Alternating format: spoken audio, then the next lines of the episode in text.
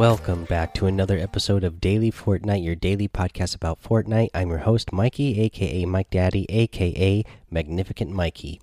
So let's talk about that prisoner that I talked about the other day that was that is sitting down there in the dungeon at Polar Peak. Well, guess what, guys? You can see more of the prisoner now. More of that ice has melted. You can actually see the hand and arm sticking out of the ice that is chained up uh, right now. If you go over to that dungeon, uh, you know he's look like he's got like some sort of like scaly or maybe it's like rock skin. Uh, you know maybe he's a rock that's coming out of a volcano or something like he's a fire guy. You know everybody's uh, assuming that he is some sort of uh, fire king that is going to combat the ice king. So uh, yeah that is very interesting. Go take a look at it. Now if you haven't gone over there and looked yet uh, it's pretty neat uh, just to see you know what is coming soon whatever new outfit we're gonna be getting soon uh, let's see here. What else uh, do I want to talk about today? Oh, so today I played the Duos Cup again uh, with Bob Dan sixty nine. Uh, man, we still have not been able to beat our record. We were able to get another badge again, of course. Uh, just not able to beat our record yet. We started out so good. We were on like in the first hour and a half or two hours or something like that. We had 14 points, so we were on track to score. You know, you know, maybe possibly in the high 30s, low 40s. Um, to start out, but then man, we hit a big low in the middle where we did not score a single point for maybe close to two hours. So we did really good for the first two hours, and then did really bad for two hours. So I, I don't know what happened there, but uh, it was a lot of fun. Duos, I mean, not the Duos Cup. Any cup in general, any of the pop up cups are still my favorite format of the game. Uh, you know, I we went ahead and played uh, afterwards uh, some squads, and uh, man, it is just hard going back to. Uh, even though you have less uh, material that you can hold total, it's hard going back to uh, farming material at a, such a slow rate compared to what you get in the in the pop up cups. I really, uh, you know, love that format. So I hope they do it more often so that we can play that format uh, more often, or just bring it bring that uh, mode over to the regular matches. Again, I'm still not one of those people who think that we need separate public matches and ranked matches.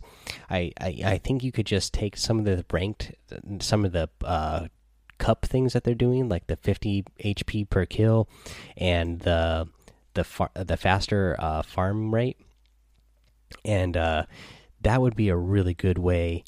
Uh, to change it up, and it would really feel good to me all the time to play uh, in just public matches. Uh, you know, me, uh, Bob69, and Drew Bagel 13, we were able to get a uh, victory out today, so that was fun at least that we were able to get that done. And uh, Drew Bagel 13 really clutched it up there at the end, uh, uh, pulling off the win for us there at the end. So that was pretty awesome. Let's talk about a week eight challenge tip now. So for this week's, uh, for today's challenge tip on for week eight, what I want to talk about is the search between a, um, the the latch, uh, the rock lady, and uh, giant flatbed. Well, you're going to find this over in J3, the southeast corner of J3. There is a little hill, and uh, land on top of that hill, and that is where you're going to find the secret battle star. Uh, so there's your challenge tip for that. Let's talk about what's in the item shop today. In the item shop, uh, we still have that awesome outfit that we got yesterday, which was the Malcore outfit with the Malcore wings. Again, uh, I, I love the way this one looks for sure. You have the Evil Eye harvesting tool as a part of this set as well. Very creepy looking guy. Uh, and then also in the featured items today, you have the Shogun outfit. Uh, I really like this outfit, and I loved his uh, bladed wings back bling. Uh, let's see here. They, I uh, for a lot of you guys always love to ask me opinions on on outfits, and I usually don't have a lot because uh, you know I like the way a lot of them look, but uh, I'm not any sort of fashion police, so uh, you know I don't normally uh, care that much what people wear. But this one I think would be really cool if they uh, did something with the mask as well. If it had uh, different styles, you know, where you could do like the the helmet with the mask off, and then like just the, totally off entirely, like the uh, I can't remember the outfit that does it. The there's an, there's another one like this uh, female version that uh, you can take off the helmet and everything. That would be cool if you could do it with this one as well. Let's see here. Also, uh, in this set, you have the jaw blade harvesting tool. Pretty neat looking one. And the Kabuto glider. Let's see here. In the daily items, guys, you got that Reef Ranger outfit. Uh, I like this one a lot. You get the cutting edge harvesting tool and the renegade outfit. Again, I'm a fan of these uh, default outfits that are just rethemed. The renegade one is definitely a good one. Uh, you get the reanimated emote, you get the backstroke emote, and the hyper glider guys if you're going to get any of these items in the item shop i would really appreciate it if you if you used the creator code mike daddy m m m i k e d a d d y uh, because it does help the show out here. It's no extra cost to you. All you have to do is have that code in there and then when you buy something with those v bucks uh, epic is going to go ahead and send a little bit over my way. Okay i gotta say thank you to rocco arias. He's in discord he was in my stream when I was doing the giveaway. He was one of the winners. And what did he do with his winnings?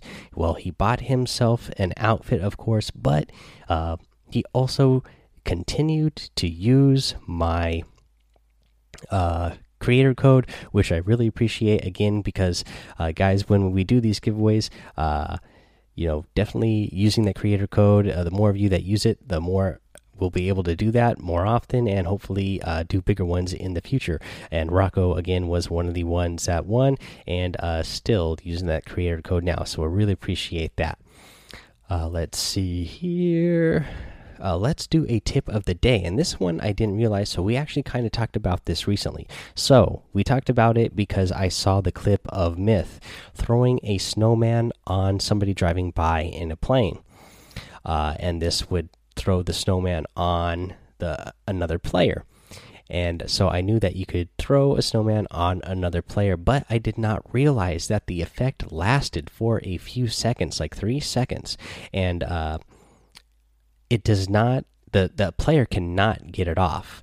Uh, that is the part I did not know. So even uh, if you switch, if you try to switch weapons, uh, which would normally break the snowman instantly, that does not work uh, to the player that you threw the snowman on.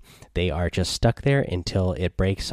It's going to break automatically on its own after a few seconds, uh, but they can do nothing about it. So uh, if you throw a snowman on somebody, they are going to be panicked there for a second because they're not going to be able to fire back at you, and you will be ready and have shots lined up for them once that snowman does break. Uh, so definitely, you know, makes them uh, kind of useful. I found this one out tonight when I was playing uh, with Drew Bagel.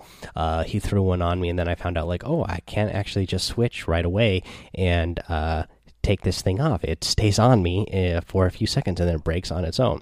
Uh, so that was a really, you know, helpful thing to know if you're ever in a situation, especially if you're a one in a one v one and you need to reload real quick too uh, it, and you happen to have a snowman, you can throw that snowman on that person, and they're going to be stuck there for a second or two, uh, which will hopefully give you enough time to reload whatever gun you need to reload. Um, and uh, be able to shoot them once uh, once that thing breaks. You know that is very very very situational, but uh, it is something that you know if you happen to have snowmen in your inventory uh, because you had a free slot, then you know it's something that you can make use of. Alrighty, guys, that is going to be the episode for today. So head over to that daily Fortnite Discord. Uh, come join us, hang out with us, uh, chat with us about all kinds of, uh, you know, Fortnite Fortnite related things. Come hang out with me over on Twitch and YouTube, of course. Uh, Mike Daddy in both of those places. Head over to Apple Podcasts, uh, leave a five star rating and a written review, and you're going to get a shout out here on the show subscribe so you don't miss any of the episodes. And until next time, guys, have fun, be safe, and don't get lost in the storm.